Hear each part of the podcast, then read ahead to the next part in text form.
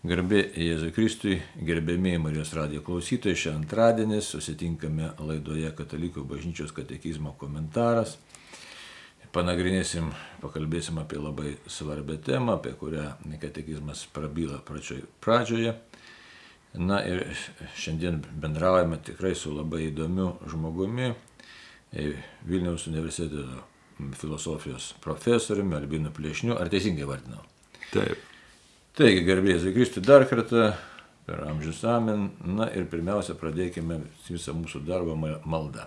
Vardant Dievo Tėvo ir Sūnaus ir Šventosios Dvasios. Amen. Viešpatie Dieve, tu esi tikrai begalinis Dievas, nepažįstamas Dievas, nepriepiamas, neišreiškiamas Dievas ir tu mūsų kūriai, kad galėtum, kad tiesiog iš savo meilės, kad galėtum su mumis bendrauti. Taigi labai prašom, apšviesk mūsų savo pažinimo šviesą, apšviesk savo meilę, pripildyk savo meilės, kad pažintume tave, atrastume save ir turėtume gyvenimą pilnatvę tiek, kiek įmanoma šioje žemėje ir amžinybėje. To prašom per Kristų, mūsų viešpatį. Amen. Taigi, na, su filosofu įdomu šnekėti, nes filosofas pasaulį mato kažkiek kitaip nes filosofų neužtenka dėstyti filosofiją ar ją mokyti, bet tenka ir gyventi. Tai e, kas tai yra filosofija? Tai žinoma, ta graikiška vertimą tai yra išminties meilė, teisingai? Taip. Tai, va, tai dabar pažvelkime į katekizmą. Dabar čia yra toks įdomus pirmas poskris ir e, jis vadinasi žmogus pajėgus pažinti Dievą. E, čia liktai toks būtų ir prieštaravimas realybė, nes tuo pačiu, ką tik net ir maldelį, aš remdamasis ypatingai Karlo Ranerio, kuris neautomistas iš tikrųjų, e, mintimis, e, o Karlas Raneris mėgdavo dažnai pabrėžti, kad štai Dievas yra nepažinusis, neišreiškiamas, nepriepiamas, net kaip sakyti, net tą tiesiog neapčiuopiamas, be, begalinis horizontas. Ir dabar mes na, bandom kažką tai kalbėti apie tai, kad žmogus yra E, pajėgus pažinti Dievą. Tai ką mes galėtume to klausimu pasakyti, o paskui dar katekizmo tekstas šiek tiek užmėsime akį. Ir galiu tiesiog, tiesiog, na, tiesiog paklausti, e, ar tikrai čia e, yra to pajėgumo ar nėra to pajėgumo. Tai tikrai to pajėgumo yra ir apie tai rašo apaštalas Paulius laiško romiečiams pradžioje. Jisai sako, kad Dievo amžinoji galybė ir Dievo dieviškumas yra pažįstamas prigimtiniu protu visiškai, netgi nesiremiant apreiškimu.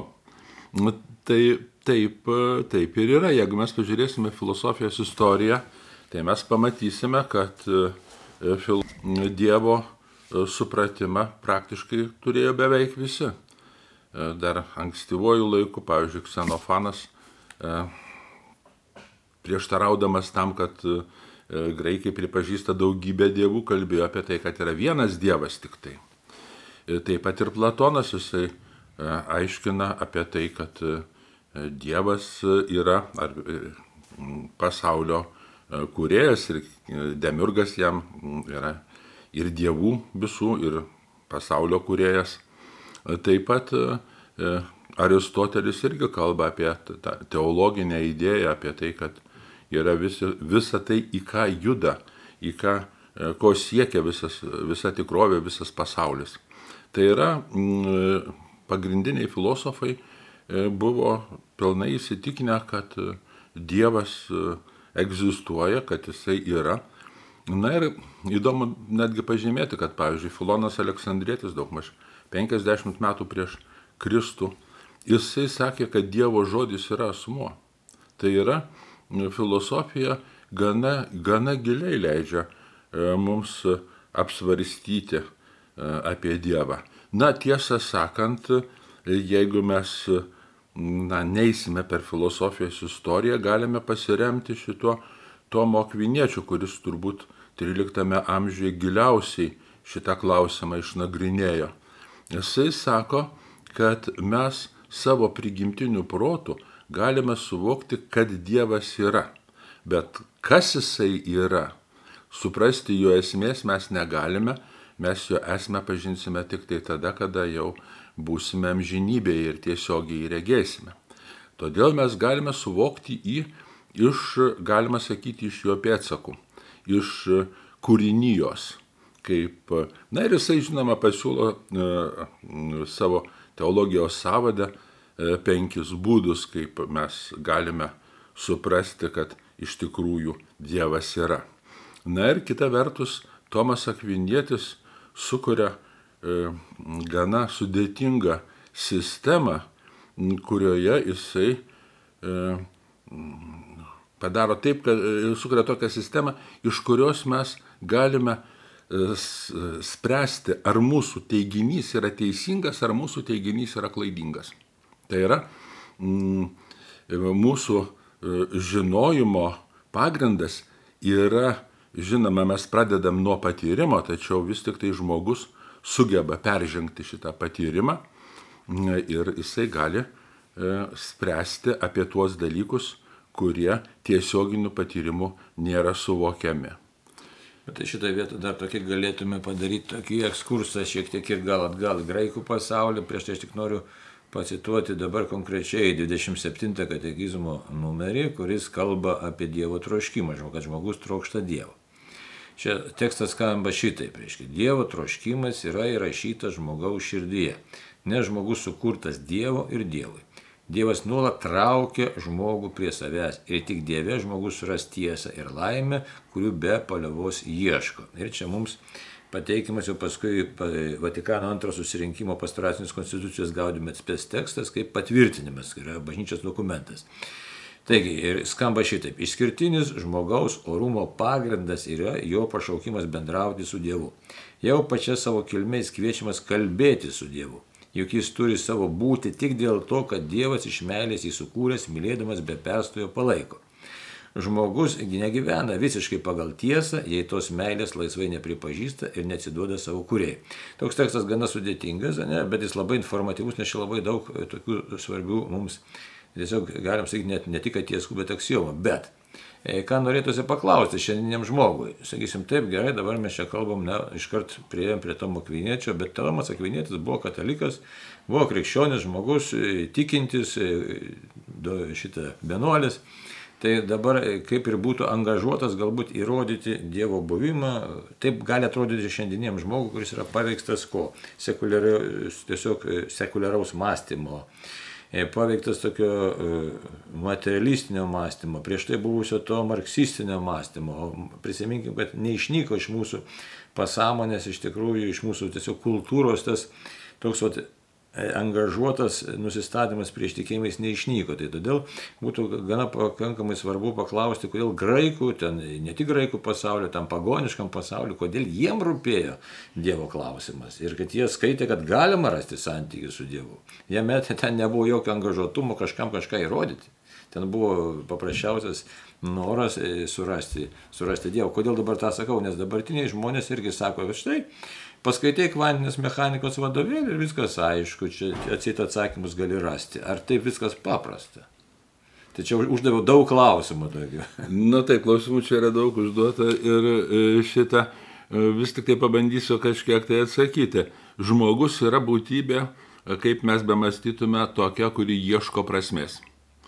Galime paimti tiesiog dar vieną pavyzdį, kuris būdingas yra Aristoteliui. Aristotelis sako, kad, žmogaus, e, kad žmogus e, visko trokšta nebūtinai. Tačiau vieno dalyko, laimės, kaip eudaimonija žodis ten graikiškas yra, jisai trokšta būtinai. Bet dabar, e, kas tai yra ta eudaimonija? Eudaimonija tai yra toks gyvenimo būdas, kuris leidžia žmogui išvystyti įvairi, visapusiškai jo prigimtinės savybės.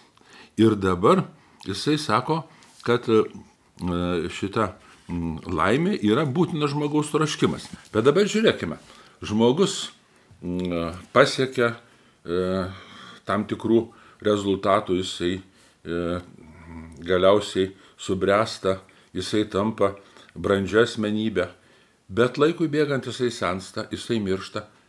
Tai kaip mes galime kalbėti apie laimę, jeigu jinai turi tokią pabaigą?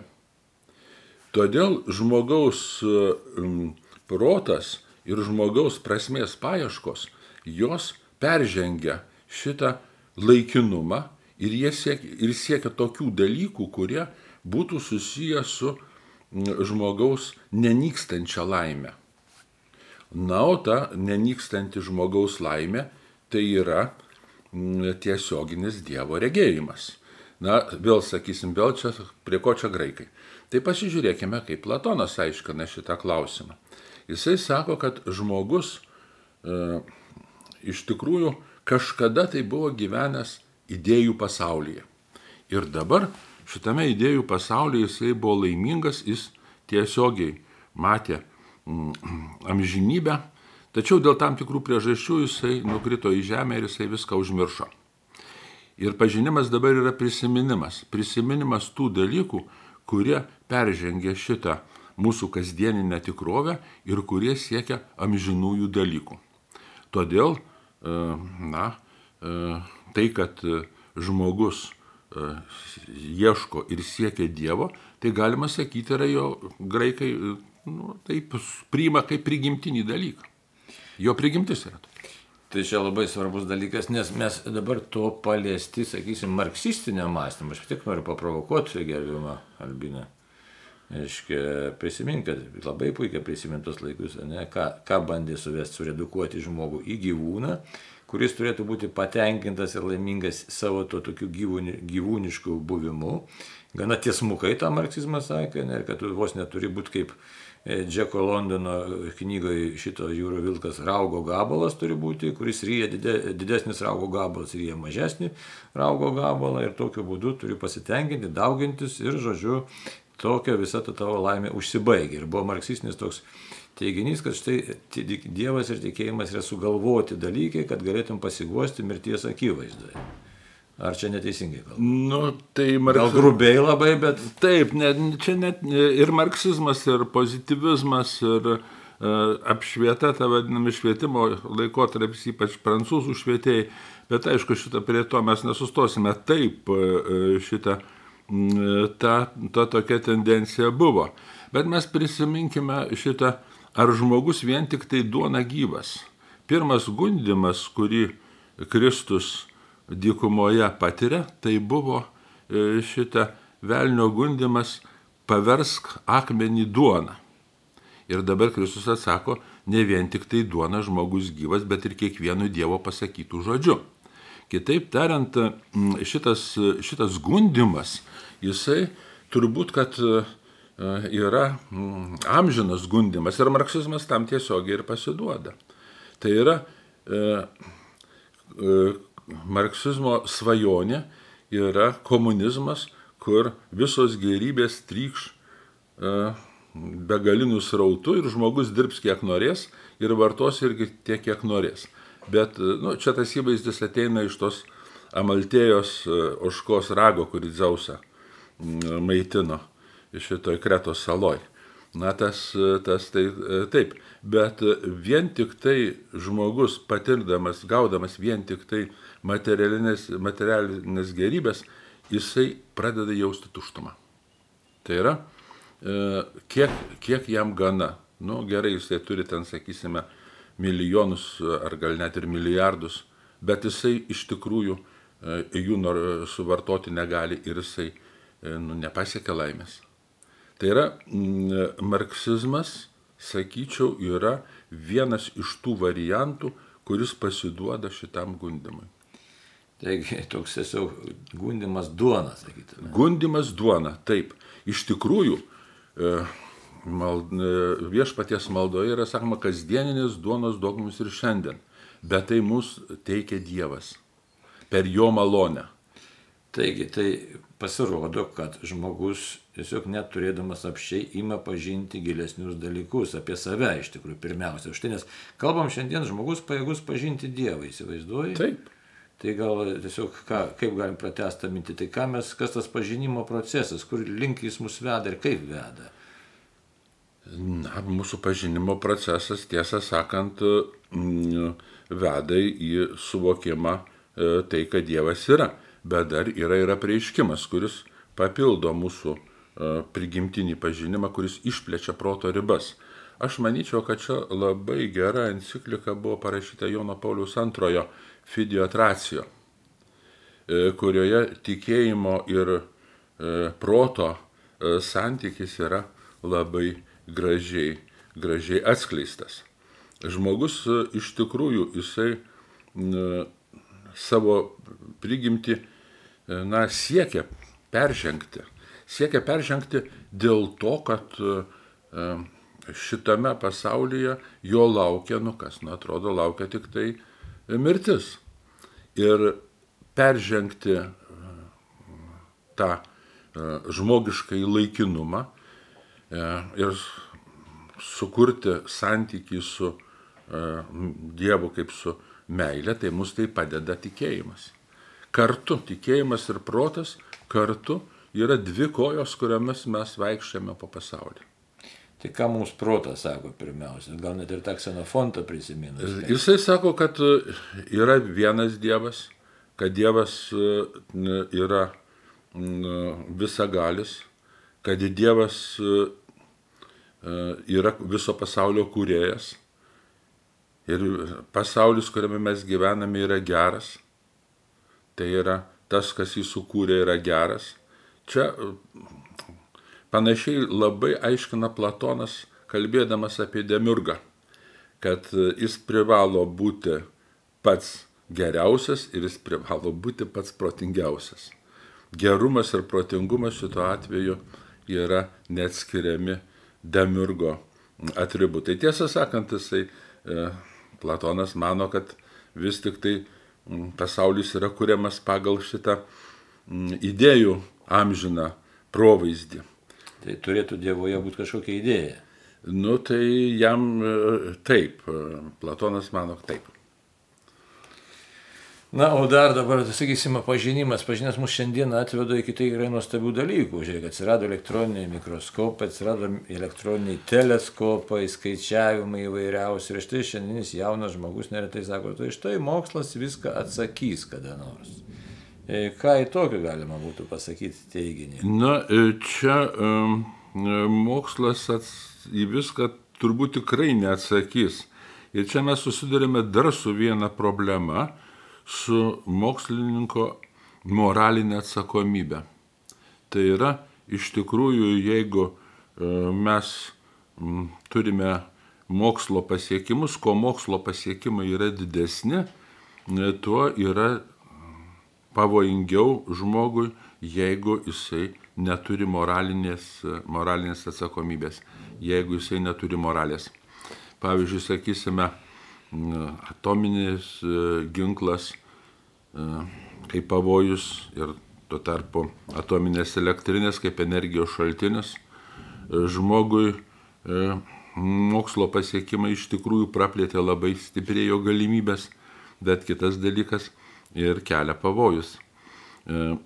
Reikia tik tai tuo met, kada mokslas yra moralus, susijęs su mor morale, apie tai tiesą sakant, Aristotelis irgi jau pradeda kalbėti apie tai kalbą.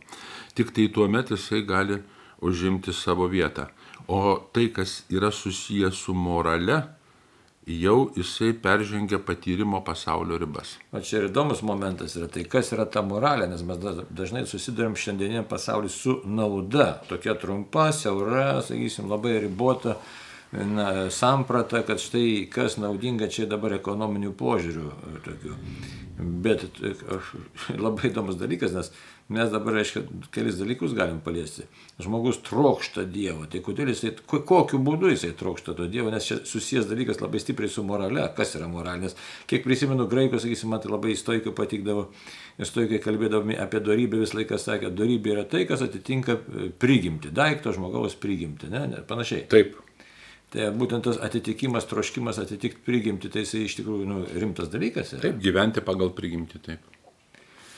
Tai, va, tai dabar e, kaip tas troškimas atsiranda, arba kaip, kaip galėtumėt pakomentuoti, kas tai yra moralu ar nemoralu? Kodėl aš turiu trokšti, arba net savaime trokštų moralių dalykų, nors kartais e, nusižengiu, renkuosi dalykus, kurie galbūt man atrodo net naudingi, ten kažkam, tai, ar, ar primityvi ta nauda tokia pasirodo. Na, vienas dalykas tai, kad mes e,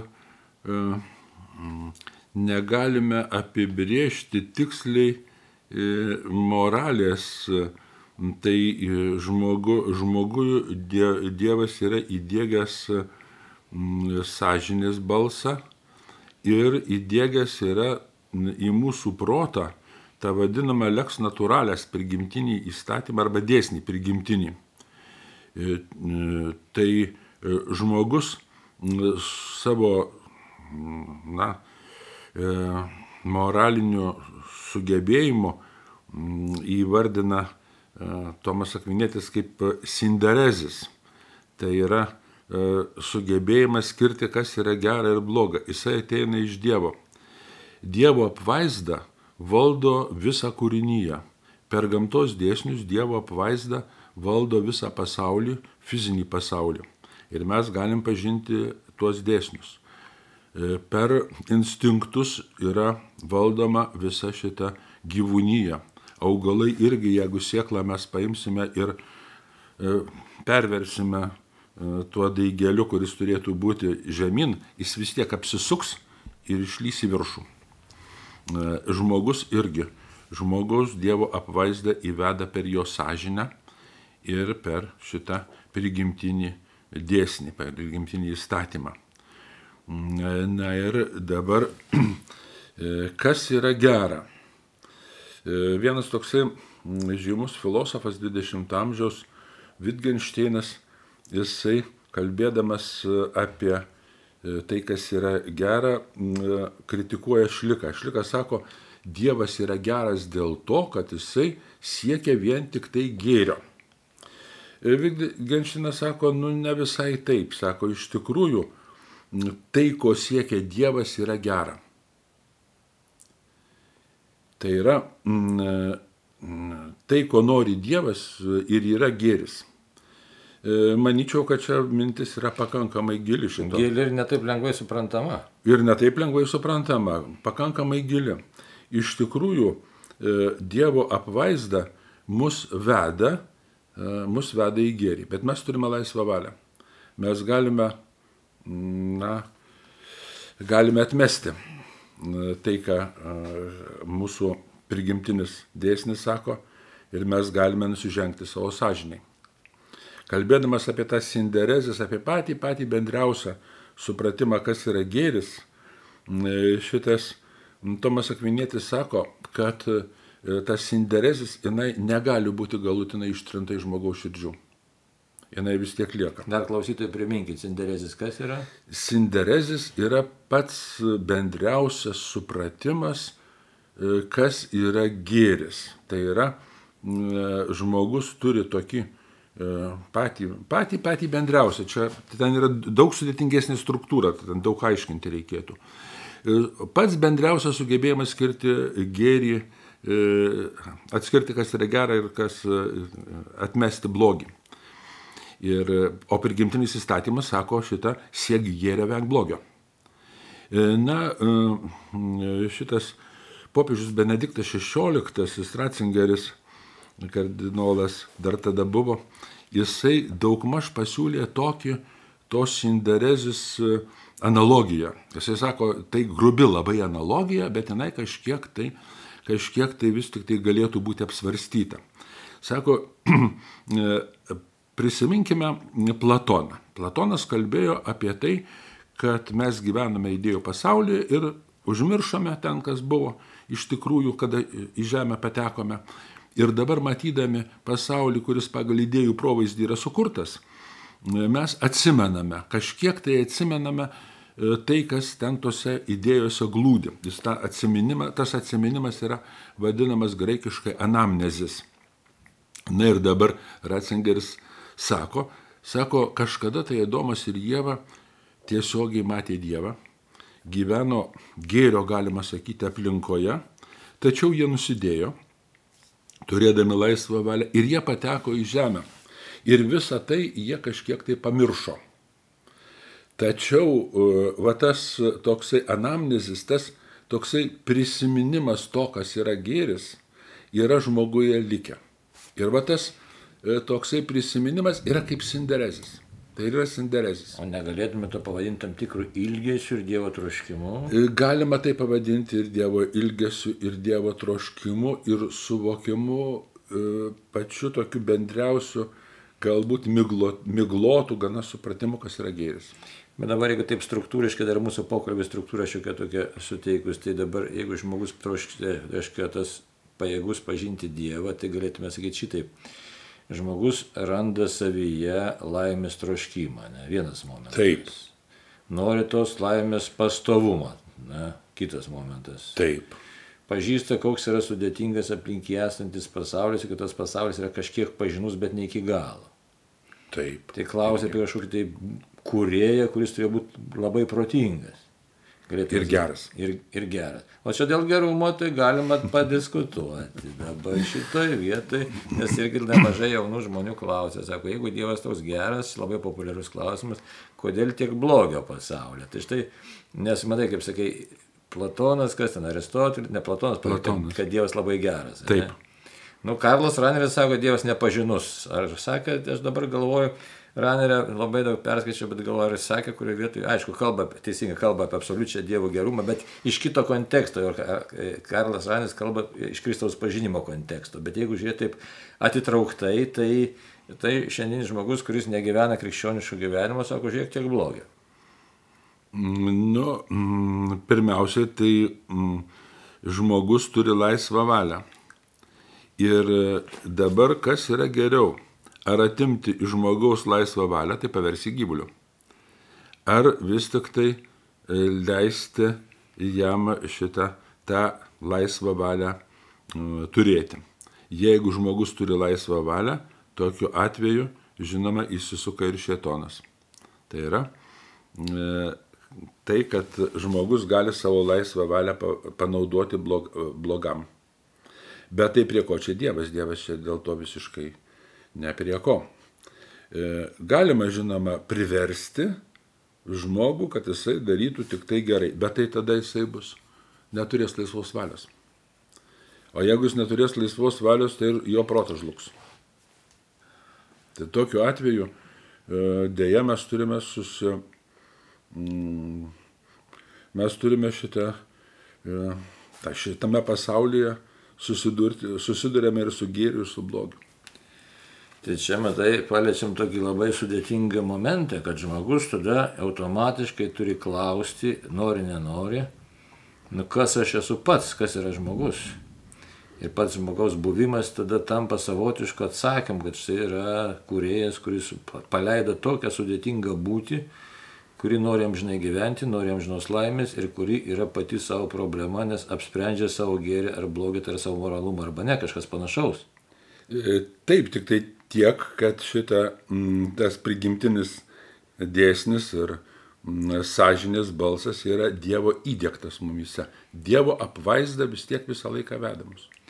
Tai jo labiau, kad tada, mums, tada galime sakyti, kad todėl aš esu žmogus, todėl aš ne ilgiuosi, todėl trokštų ir todėl galiu ir pažinti savotiškai Dievą. Nepilnai, aišku, bet, Taip. bet galiu pažinti. Kaip paštas Paulius pasakė, ne? Taip iš tų visų apraiškų, kurios egzistuoja. Bet vis tiek dar norėčiau paprovokuoti, man labai tai vis laik patinka tas sudėtinga čia tema, reiškia, kas yra tas žmogus, kaip mes, žinau, filosofai bandė atsakyti tą klausimą žmonės, Heideggeris bandė panašiai ir kuo tai baigėsi, čia tiesiog pailiustravimui. Tiesą sakant, atsakyti iki galo tai tikrai to nepavyks. Na ir šitą yra ten toksai turbūt šitą iš rytų jau religijų toksai pasakojimas, kad e, žmogus norėjo suprasti, sužinoti, kas jisai yra ir mm, parašyti, e, surasti knygą, kurioje parašyta viskas apie jį, e, jo atskleista visa esmė.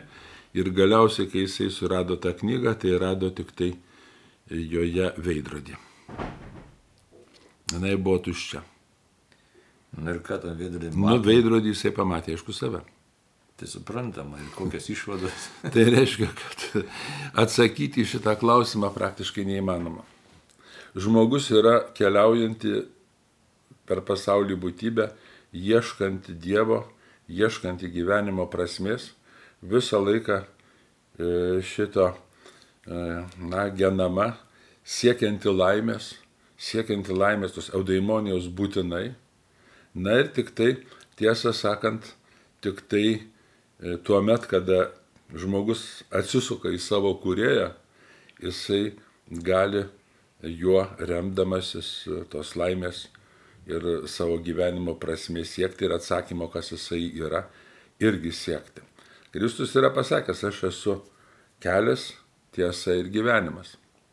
Na, iš tikrųjų, tai nu, tik, teisingi žodžiai, tikri žodžiai. Tai galėtume sakyti, nėra ko bijoti to savęs pamatymo kaip didžiulės problemos. Be abejo, be abejo, mes ir esame, mes esame problema, kuri ieško atsakymo į klausimus, į kuriuos, e, na, turbūt iki pasaulio pabaigos atsakymo ir nebus e, galutinio rasta. E, tai jeigu būtų kitaip, tai filosofija ir teologija pasibaigtų. Tada turėtume žinojimą. Tai vat tas žinojimas yra vėlgi labai painus dalykas. Yra toksai Platono dialogas šitą tetetas, tetetas, kuris klausia, ką reiškia žinoti, kas yra žinojimas. Ir atsakymo jisai neranda. Labai labai panašiai klausimą kėlė toksai, na, jau šio laikinis analitinės filosofijos nu, ne vienas atstovas ir Wittgensteinas, ir Getie toksai savo trumpučiame straipsnė pusantro puslapio, ką reiškia žinoti. Ir atsakymo nerado. Ir atsakymo nėra. Tai yra toliau negu kad Platonas nelabai buvo ir paeita. O visi egzistencializmo atstovai, kad sako, čia toks uždaras ratas, tiesiog egzistavimas vardan egzistavimo. Nu, Nepatenkina žmogaus. Ne, nepatenkina. Svarbiausia, kad egzistencinė filosofija e, na, e, turi vieną, sakyčiau, geroką trūkumą dėl to, kad į pirmą vietą jinai stato žmogų. Žmogus pats iš savęs atsakymo rasti negali. E, per menkas, per menka būtis. Taip. Per menka būtis. Ta dalyką Augustinas neblogai yra pastebėjęs jisai sako, ką mes galime, ką mes galime pažinti. Pirmiausia, mes trokštame pažinti e, savo sielą ir per savo sielą mes pažįstame Dievą. Tai yra žmogus e, norėdamas, e, na, pažinti, nebūti tą gyvatę, kuri ryja savo uodegą, jisai turi išeiti už savęs. Ir išeiti būtent į Dievą. Ir čia gimsta tas troškimas, ilgesys ir Dievo pažinimas. Taip. Begalinės būties. Ne? Taip, begalinis būties, begalinis būties pažinimas. Ir dar priminkit, ką sakė Tomas Akvinėtis tą argumentų ten. Ten minėjai, kad sakyti ten, kad padėti tiesiog kaip pažinti žmogų, paži, pažinti Dievą keletą momentų. Na tai Tomas Akvinėtis, jisai sako, kad mes galime pažinti tik tai, kad yra Dievas, ne kas jisai yra ir jis pasiūlo, nu, kaip tarsi iš pėtsakų. Tarsi iš pėtsakų mes galime prieiti prie, prieiti prie Dievo. Na tai mm, e, jisai e, pasaulio tikslingumas, e, paskui e, tai, kad pasaulio priežastingumas turi būti galutinė priežastis, e, tai, kad turėtų būti šita, mm, na, e, pasaulio e, tas judėjimas. Mm, na, apmastydami pasaulį mes prieiname prie to, kad pasaulis turi turėti savo tam tikrą pagrindą ir tas pagrindas yra Dievas. Ir kad pasaulis yra tvarkingas. Ir ne? tai pasaulis yra tvarkingas. Nes dabar kartais ta plečiama ten chaoso teorija panašiai, tai čia tokia nu, vaik, kažkokia, nežinau, pasaka, kuri net... Nu, tos chaoso teorijos, tai tiesą sakant, ten jos ne apie tai visiškai išneka, jeigu e, tiesą paimsime e, šitą. Dabar įsivaizduokim tokį dalyką, jeigu mes turime tam tikrą smailumą, kal, kalvelę ir ant jos yra rutuliukas. Rutuliuko padėtis yra šitą nepastovi. Ir jis gali judėti į vieną ar į kitą pusę. e, tuos procesus, kurie yra nepastovus, mes vienokiu ar kitokiu būdu e, bandome prašyti. Tai čia ir bus chaoso teorija iš tikrųjų. E, labai neblogai toksai lietuvių fizikas, labai aukšto lygio, Kestutis Piragas domisi šitą problema ir ten iš tikrųjų yra mokslinė problema, bet ta problema jinai neliečia pasaulio prasmės, jinai neliečia tai, kad pasaulis atsirado ar neatsirado iš ko, bet tiesiog aprašyti tokius procesus, kurie yra nestacionarūs procesai, kurie yra šitą, na, į vieną arba į kitą pusę pasireiškantis procesai. Čia celi mokslinė teorija. Aišku. Taigi, taip kad nemaišykime skirtingų dalykų ir kągi, mūsų laidelė eina į pabaigą. Taigi, ką galima apibendrindami pasakyti, kad tikrai žmogus trokšta Dievo pačia savo esme ir tokia yra žmogaus prigimtis, e, kad žmogus ilgisi e, įprasminimo, pajėgus pažinti savo ir grožį, ir trapumą, ir laikinumą, pasaulio sudėtingumą. Ir visi tie dalykai, iš esmės, jeigu mes juos įvertinam, apibendrinam, jie byloja apie būtinai esančią būtį, kurią mes vadiname Dievu. Taigi, kalbėjomės teisingai. Taip. Taigi, kalbėjome šiandien su e, Vilniaus universiteto filosofijos profesoriumi Albinu Plešniu. Labai dėkojom už pokalbį.